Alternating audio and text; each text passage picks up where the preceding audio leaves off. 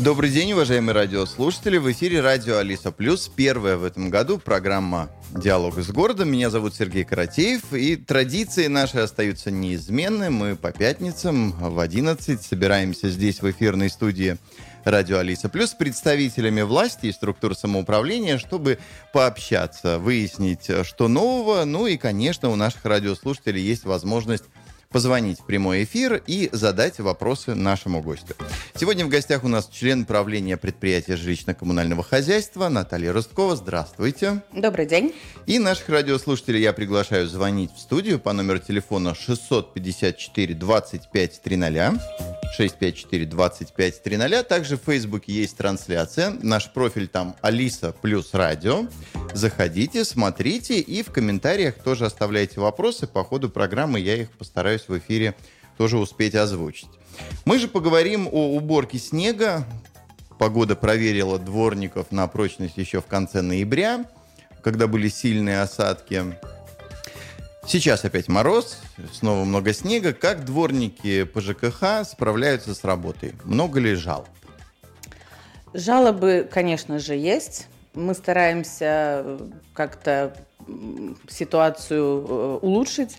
Э, в основном жалобы это там, где болеют дворники. Не секрет, все болеют, и поэтому приходится замещать другими работниками, а два участка убрать, такое количество снега, конечно, это очень тяжело. Поэтому помогают с других участков другие работники, строители, трактора, тракторная техника выезжает, э, дворы чистит. Поэтому, ну, стараемся, но, конечно, жалобы есть. Но и благодарности, благодарности тоже. тоже есть, да? Да, да, да, да. Когда был сюжет э, про дворников, очень много было благодарностей, поэтому мы отметили своих дворников, передали все благодарности. А чего больше все-таки, жалоб или похвалы?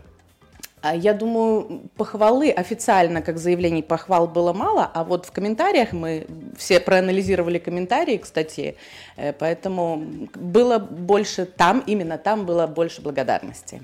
Скажите, а вот была информация о том, что в Латвии не хватает дворников, и что на зимний период чаще всего дворники уходят на больничный, чтобы не убирать соседние участки. В ПЖКХ какая ситуация? Хватает ли дворников? Дворников, э, хороших дворников не хватает. Найти хорошего работника очень тяжело. А тем более в такой срок, когда заболевает работник, замену какую-то найти очень тяжело. Поэтому такая ситуация, поэтому перед жителями извиняемся, пытаемся найти как-то, решить эту ситуацию. Ну, э, по нашим с вами э, договоренностям между жителями и по ЖКХ, вот сегодня снегопад, да, утром, выходя на работу, какой объем должен быть убран? Есть какие-то вот критерии, нормы? Норм как таковых нету, но установлено, чтобы хотя бы тротуары были уже почищены, когда люди собираются на работу. В 6 часов начинают работу дворники, и к этому моменту хотя бы дорожка, э, если снега много, потому что у одного дворника не один дом, у него несколько домов. Первоначально тротуары, потом уже дорога. Э, выезжают трактора, чтобы дороги тоже прочистить. 654-2530, номер телефона прямого эфира. Я приглашаю наших радиослушателей присоединяться. Есть телефонный звонок, у вас в наушнике его будет слышно. Здравствуйте, пожалуйста. А, добрый день. Добрый день. А, я звоню по поводу, я хотела бы узнать, вот частные дома на улице Смилшу между Венспилс и Каунас. А, чистит э, ПЖХ трактор. Нет, э, частную территорию ПЖХ не обслуживает. Это э, коммунальное хозяйство отвечает за уборку частных территорий, э, которая на Саулас-5 находится. 654-2530. Приглашаю наших радиослушателей звонить. И, пожалуйста, формулируйте вопросы к нашей гости, да, член правления предприятия жилищно-коммунального хозяйства Наталья Русткова. Все, что касается обслуживания наших многоквартирных домов и прилегающих территорий. 654-2530. Хорошо. С 1 января 2024 года в Латвии э, введена обязательная сортировка биологических отходов. А, во дворах Даугавпилса уже, я смотрю, появились э, контейнеры коричневого цвета, куда можно выбрасывать э, пищевые и кухонные мусор, отходы без упаковки. Давайте об этом поговорим. Собственно, в чем, в чем смысл добавки еще одного контейнера – насколько жители Даугавпилса готовы к этому и что, собственно, туда нужно выбрасывать. Давайте вот в этой теме немножечко Ну, с, э, появились эти контейнеры в связи с тем, что с 1 января необходимо сортировать и биологически разлагающиеся отходы. Э, Это и... какой-то новый закон, новая За... регула? Но, новая, да, регула. Э, необходимо дальше продолжать сортировать мусор. Это связано с, с тем, что повысился налог на природные ресурсы. В прошлом году он был 95 евро, с января он уже 110 евро. В связи с этим повысится и тариф на вывоз мусора в нашем городе. Он составит 19 евро и 40 центов. В феврале уже мы получим счета с новым тарифом. Это за тонну закуп? Э, это за тонну. Угу. За тонну, и в связи с этим необходимо принимать решение, что неактивно наши жители делают, сортировать. То есть сортировка позволит э, хоть как-то снизить э, процент э, платы за сортировку, то есть если это не будет сортировать предприятие подробную, конечно, информацию это специализированное предприятие скажет, но то, что касается нас, это тариф жильцам, который растет, э, жители недовольны, э, поэтому призываем сортировать, это первое, не выкидывать э, крупногабаритный мусор вместе с бытовыми отходами, с крупногабарит очень повышает тариф на вывезенный мусор, потому что это все на весь город раскидывается, и все платят за этот не вывезенный с самими жильцами крупногабаритный э, мусор. И э, еще как способ можно строить э, отдельные площадки, закрытые площадки для конкретного дома. Мы это начинаем практиковать. Это не активно жители на это соглашались, но на это есть софинансирование Думы, поэтому призываем принимать решение попробовать снизить тариф именно на конкретный дом. Что туда необходимо в эти коричневые контейнеры выбрасывать? Это остатки еды, без э, упаковки, остатки чая, кофе, эм, разные эм, растения, которые, увядающие растения, цветы. Но главное, чтобы это было без упаковки. То есть чай в пакетиках, Нельзя. Отдель, в, в обычный мусорный контейнер да. выбрасываем да. пакетик, а чай из этого пакетика выбрасываем тогда в этот. Да. Кто да. это будет контролировать? На каком этапе? Ну, контроль за э, мусором э, оказ... Э, производит муниципальная полиция, это в ее ведении. Но мы в свою очередь, э, просто можем каким-то образом, э, я не знаю, сигнализировать муниципальной полиции, если туда выкидывают какие-то другие отходы. Потому что э, если туда будут выкинуты другие отходы, не биологически разлагаемые, то тогда, соответственно, стоимость будет выше. Есть телефонный звонок, в наушнике будет слышно. Добрый день, здравствуйте, пожалуйста. Здравствуйте. Здравствуйте слушая, как Наталья отвечает на все вопросы, сразу понятно, что человек в теме. И хочется поблагодарить руководство города, что за большое количество лет появился адекватный руководитель э, в таком городском большом хозяйстве. Наталья, большое вам спасибо, больших успехов. Причем я не работаю в ПЖК, не имею никакого отношения. Я просто горожанка, которая внимательно всегда слушает эту программу. И насколько убедительно и грамотно она отвечает, большое вам спасибо за работу. Спасибо за позитивные отзывы. Очень приятно. Видите, тоже есть. 654-25-00, номер телефона прямого эфира. Я приглашаю наших радиослушателей звонить и задавать вопросы нашей гости, руководитель по ЖКХ Наталья Русткова сегодня в нашей студии и готова ответить на ваши вопросы, уважаемые радиослушатели. С 1 января этого года значительно выросла стоимость бумажных счетов по ЖКХ с 15 центов до 96 центов. Предприятие предлагает переходить на получение своих счетов и счетов теплосетей в электронном виде. Насколько активны... Во-первых, много ли этих людей, кто до сих пор получает бумажные счета? Какая активность их, да, в связи с тем, что выросла эта стоимость с 15 до 96? Как там обстоят дела? Э, ну, последнее время очень активно стали переключаться на электронные счета, потому что узнали, что стоимость повысится. Э, на данный момент более 18 тысяч э, жильцов перешли на электронные счета. Ну, все-таки... А сколько всего? 3, 33, 30? 3, угу. более 30 тысяч абонентов. Поэтому еще предстоит работать, чтобы перевести на электронные счета. Необходимость была, потому что много лет мы не поднимали плату за выписку счетов счетов. Это в связи с тем, что подорожала стоимость упаковки счета. Мы не своими силами, это фирма, расходы растут, минимальная плата растет, дворники тоже задействованы в, в, раз, ну, в рассылке, доставке, в доставке угу. счетов, поэтому тут безвыходное было положение. Что нужно делать э, людям, которые нас сейчас слушают, понимают, что у них до сих пор бумажный счет приходит в почтовый ящик, и что за это каждый месяц нужно будет доплачивать 96 центов? Какие их действия? Можно на нашем портале э, зарегистрироваться э, www.ddzksu.lv Э, выбрать э, позицию э, счета в электронном виде, в том числе будет и счет теплосетей приходить в электронном виде. Если нет возможности или не получается, можно обратиться к нам в абонентный отдел и не только в абонентный отдел, можно позвонить, вам окажут консультацию, как, это произвести. Для этого нужно зарегистрироваться на mans.dzksu.lv или есть форма, когда можно просто зайти и указать свой email для получения счетов. Если только счета на электронную почту, то это можно написать заявление и только счета. Можно зарегистрироваться на портале самообслуживания mans.dzksu.lv. Это облегчит работу э, как, самого, облегчит жизнь самого человека, потому что можно будет сдавать показания в электронном виде, э, заявку подать на замену счетчиков тоже в электронном виде. Мы идем в ногу со временем, поэтому стараемся предоставить максимум удобных услуг. Как действовать тем людям, у которых до сих пор нет электронной почты?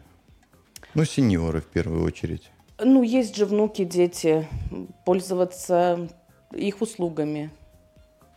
А, заявление. Вот если человек собственноручно написал заявление, и можно принести к вам, да? Или нужна да, электронная принести. подпись? Нет, Не если нужно. это собственноручно подписанный документ, это приносится или в абонентное дело, или э, к администратору, или в домоуправление можно принести заявление. Если есть электронная подпись, конечно, можно с электронной подписью.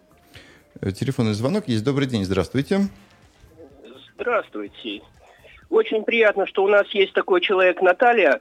И хотелось бы два вопроса, даже это не вопрос, а предложение. Вот у нас была тема мусора, что цена на мусор возрастает. Ну, мы же все-таки в 21 веке, и э, цена оценивается по контейнеру, а не по наполняемости его. То есть, если контейнер полупустой или полный, цена все равно остается та же самая. То есть, может, и перейти на то, как за границей, взвешивать этот мусор и потом платить за него. Это как пожелание. А еще есть вопрос.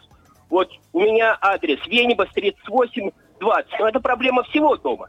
То есть открываешь горячую воду и минут 10 надо ждать, чтобы появилась теплая вода. А счетчик крутится. За это тоже надо платить.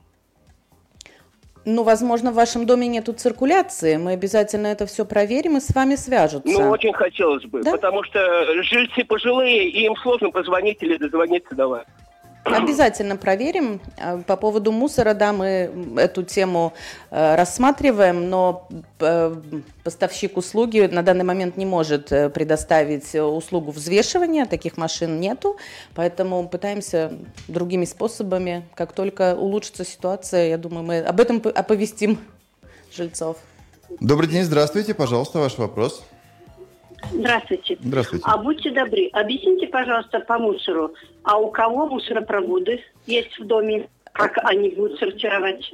Мусоропроводы тоже можно сортировать. Э, бытовой мусор вы выкидываете в мусоропровод, а то, что э, сортируется, вы выкидываете в эти отдельные контейнеры. А э, контейнеров, я понимаю, около 100, да, появилось? Коричневых, да. Коричневых. А остальные, когда планируются? Это или мы какую-то часть... Это не от нас зависит. Это э, предприятие, которое оказывает услугу, а АДСОН на данный момент, они э, устанавливают, устанавливают эти угу. мусорники. То есть нам не надо никакие заявки подавать, просто рано или поздно они в нашем дворе появятся. Я тоже. надеюсь, да, но если есть желание, можно петейктес, э, заявиться о себе угу. и написать об этом. Хорошо, еще один вопрос из эфира. Здравствуйте. Подождите минуточку, нас прервали. Я хотела спросить. Я на четвертом этаже. И что, мне нужно спускаться вниз, чтобы выбросить мусор, найти этот контейнер? Если мусор... Нет, вы, вы также имеете право весь бытовой мусор выкидывать э, в, в ваш в общий контейнер. в общий Ну, мусоропровод. мусоропровод, да, да. да. Но А, в, если общий, кон- в общий мусоропровод? Вы это можете делать, но если мы с вами хотим, чтобы дешевле мы платили за вывоз мусора, то нам необходимо Да. начинать сортировать расходы. И поэтому предложены коричневые контейнеры, куда мы сможем выбрасывать. Я Ну- поняла, но а где они стоять будут? они во дворах стоят, Ну, еще не во дворах всех, но У будут нас стоять... на Аллее 86 тоже уже есть? Э, это уточним. Э, Можно узнать, есть э, интерактивная карта, где стоят эти контейнеры. Об этом можно узнать. А где эту карту можно посмотреть? А, шкиротвеглый.лв Где? Как, как? В интернете ш-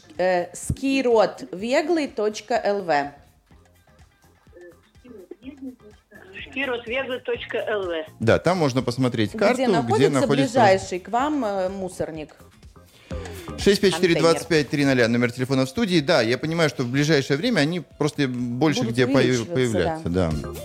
Э, Приглашаю наших радиослушателей активно звонить. 654-25-300. Член управления предприятия жилищно-коммунального хозяйства Наталья Росткова сегодня в нашей студии готова ответить и на ваши вопросы. Какие типичные зимние проблемы жилого фонда? С чем приходится сталкиваться? Ну, как мы уже говорили, это уборка снега. А Второе, наверное, это самое главное, э, сосульки, которые образуются в большинстве там, где не утеплен чердак в многоквартирных домах, где скатная крыша и где не утеплен чердак. Поэтому призываем жильцов утеплять чердак, ремонтировать крышу. Также это наледенение на э, ливневой канализации, что может вызвать э, за- залитие и намокание стен. Водостоки тоже замерзают, поэтому мы стараемся регулярно чистить, э, сбивать сосульки, чтобы не было таких случаев, как в Риге. Стараемся выполнить все необходимые работы. Еще один вопрос из эфира. Здравствуйте, пожалуйста. Алло. Здравствуйте. Пожалуйста, ваш вопрос. Здравствуйте. Здравствуйте. Э, Скажите, вот хорошо Наталья говорит, а вот как это самое, у кого нет ни электронной почты, ни, ни внуков, ни детей, как тем поступать с этими счетами? Но мы можем предложить только, если приходить и, и к нам, но это все равно э, будет платная услуга выписка счета. Потому что ну, все ресурсы, цены на ресурсы растут, и мы не можем продолжать э, по 15 центов. Возможность есть, просто это будет э, дороже. Мы не запрещаем получать в бумажном виде. Просто это будет стоить не 15 центов, как раньше, а 96 центов. Услуга такая будет. Ну, понятно, понятно. 654-25-300, номер телефона в студии. Приглашаю наших радиослушателей присоединяться. Здравствуйте, пожалуйста. Здравствуйте. Здравствуйте. Скажите, пожалуйста, я живу в муниципальной квартире, да, в обществе слепых. Это, во-первых, хотел бы узнать, почему у нас, например, около нас нету коричневого мусорника. Он есть там где-то, не знаю, через два, через три дома. Неужели я должен биоотходы относить туда? Это первый вопрос. И второй вопрос. Скажите, как я могу узнать, если у меня этот, горячая вода, чтобы сразу текла, как это называется? Циркуляция. Циркуляция, вот вспомнил, да. Это можно позвонить э, нашим специалистам, узнать. А вы назовите свой адрес, а мы свяжемся тогда. Чекару 7. Чекару 7. Семь. Э, И э, скажите, или номер квартиры, Я зафиксировал телефон- номер телефончик, телефона. да. Мы Мгм. тогда свя- с вами свяжемся. 654-25-300, номер телефона в студии. Ну, вот видите, у людей интересует, да? То есть уже у кого-то появились эти контейнеры, у кого-то не появились, да? Надо как-то эту информацию, может быть, распространять быстрее, да? Да, будем Где- стараться, будем информационную базу готовить. Добрый день, здравствуйте. Добрый день. Пожалуйста, ваш вопрос. У меня такой вопрос. Я живу на Пушкина 21. У нас дом, потолок вместе с крышей. Снега очень много, и я боюсь, что у нас вообще рухнет все. Ну, надо как-то удалить этот снег. Ну, Что это? Как весна у нас начинает капать по коридорам и в квартирах эта вода. Ну, крышу никуда не гоже. Пожалуйста, помогите, чтобы сняли бы этот снег убрали бы, потому что снега очень много. Ну, очень, я не знаю. В прошлом году я звонила, сделали, в этом году не знаю, как будет. Ну, столько снега. Помогите, пожалуйста. Обязательно мы зафиксировали, обязательно снег э, снимем с крыши. Но, конечно, если крыша протекает, надо принимать решение о капитальном ремонте крыши. Это не спасет снятие снега. В любом случае осадки попадают на крышу. Еще вопрос из эфира. Здравствуйте, пожалуйста. Пожалуйста, ваш вопрос. Алло. Да-да-да, я слушаю. Э, Мы слушаем вас. Ваш вопрос, пожалуйста, в эфире. Да, добрый день. Добрый день. Добрый. У меня несколько вопросов. Я вас слушаю. Сделайте, пожалуйста, меня- тише радио и задавайте ваши вопросы. Добрый день. У меня несколько вопросов. Только трубку не ложите. Значит, первое. Мусор.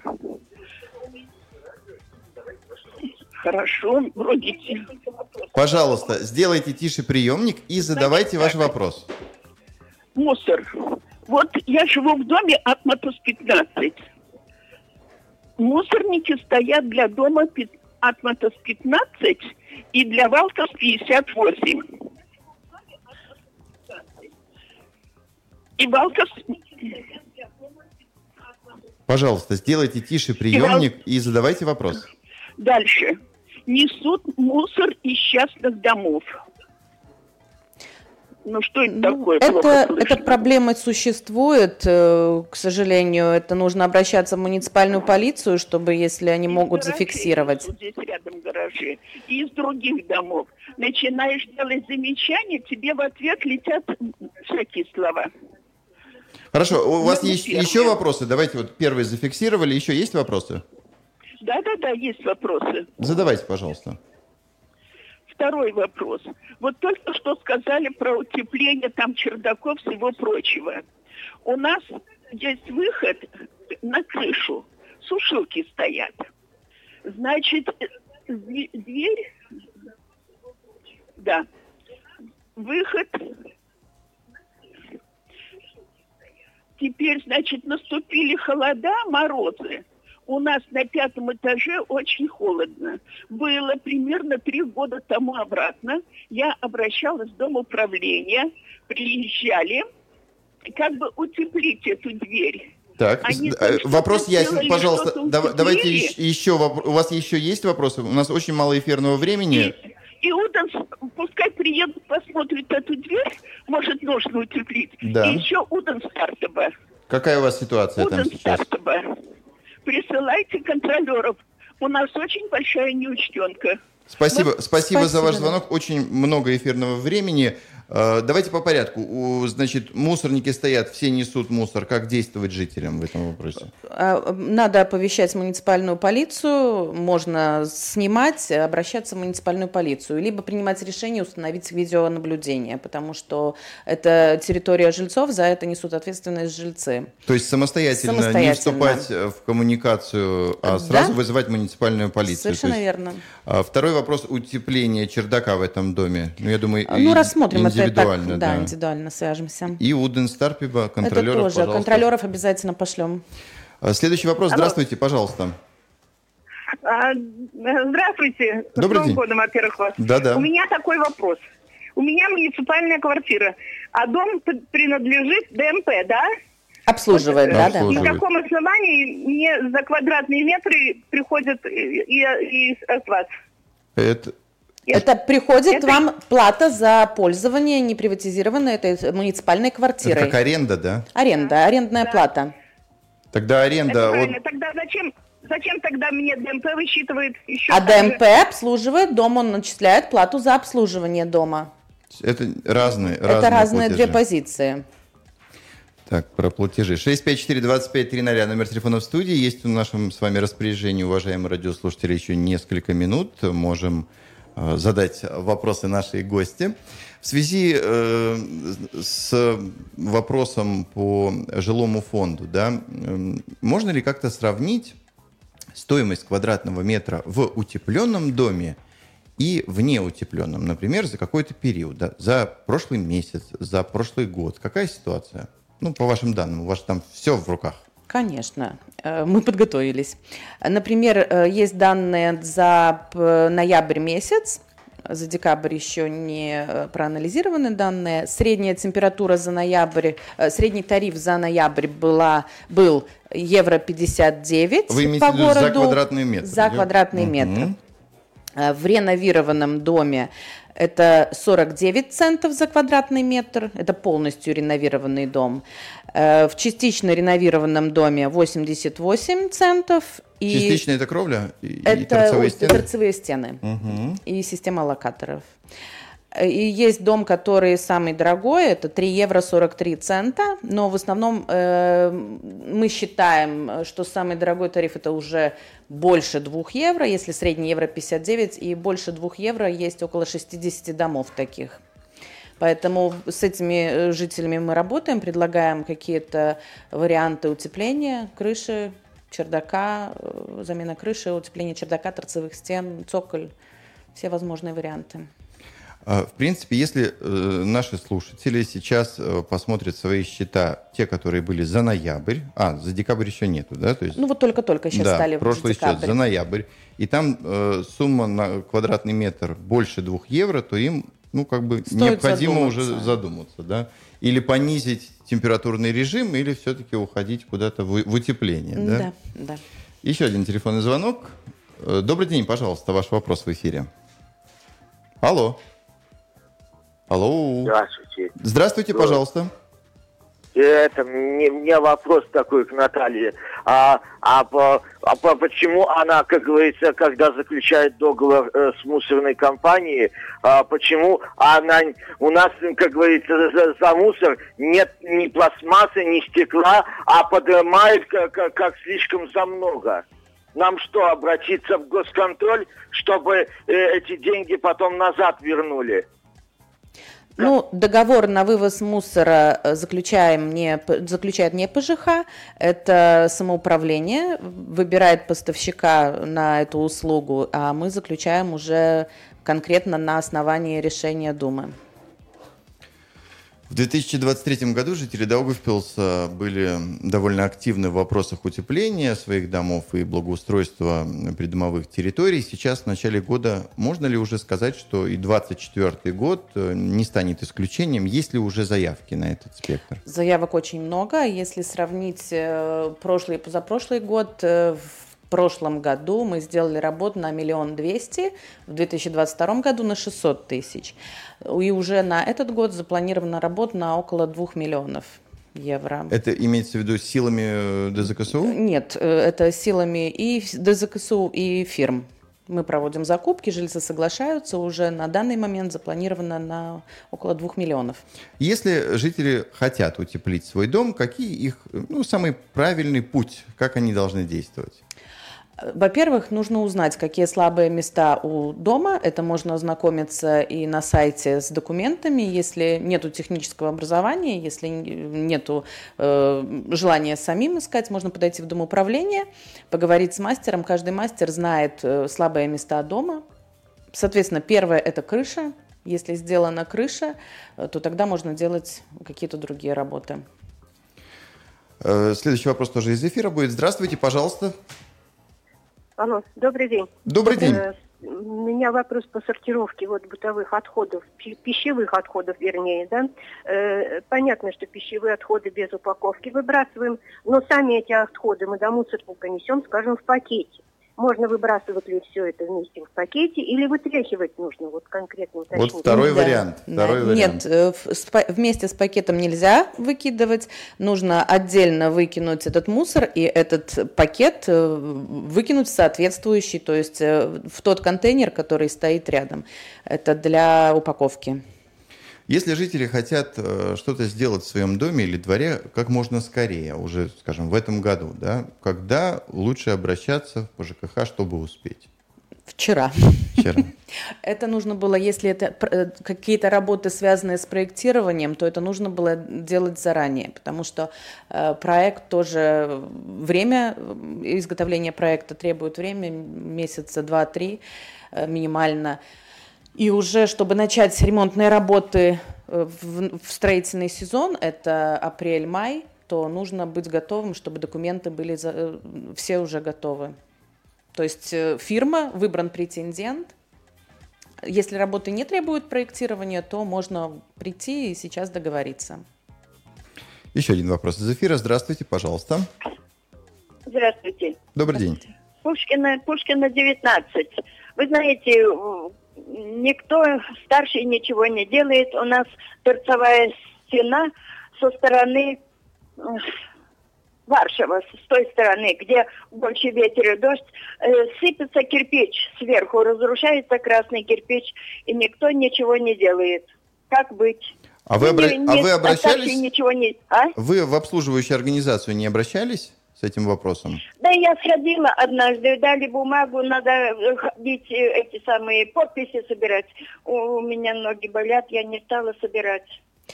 Ну, мы, мы, в свою очередь, э, сами можем э, произвести опрос жильцов на необходимость капитального ремонта. Обязательно обследуем и примем какое-то решение. На этом все. Время, отведенное для нашего эфира, практически истекло. Вы первый, кстати, гость в студии в 2024 году в рамках программы «Диалог с городом». Возможно, у вас есть какие-то пожелания к жителям? Конечно, самое главное – это здоровье эм, всем жителям, работникам нашего предприятия тоже. И терпение, наверное, быть надо более терпеливыми. Ну и главное – мира и добра.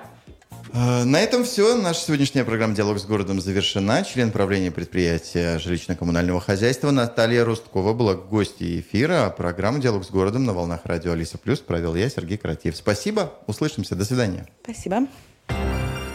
Диалог, Диалог с городом на радио «Алиса Плюс».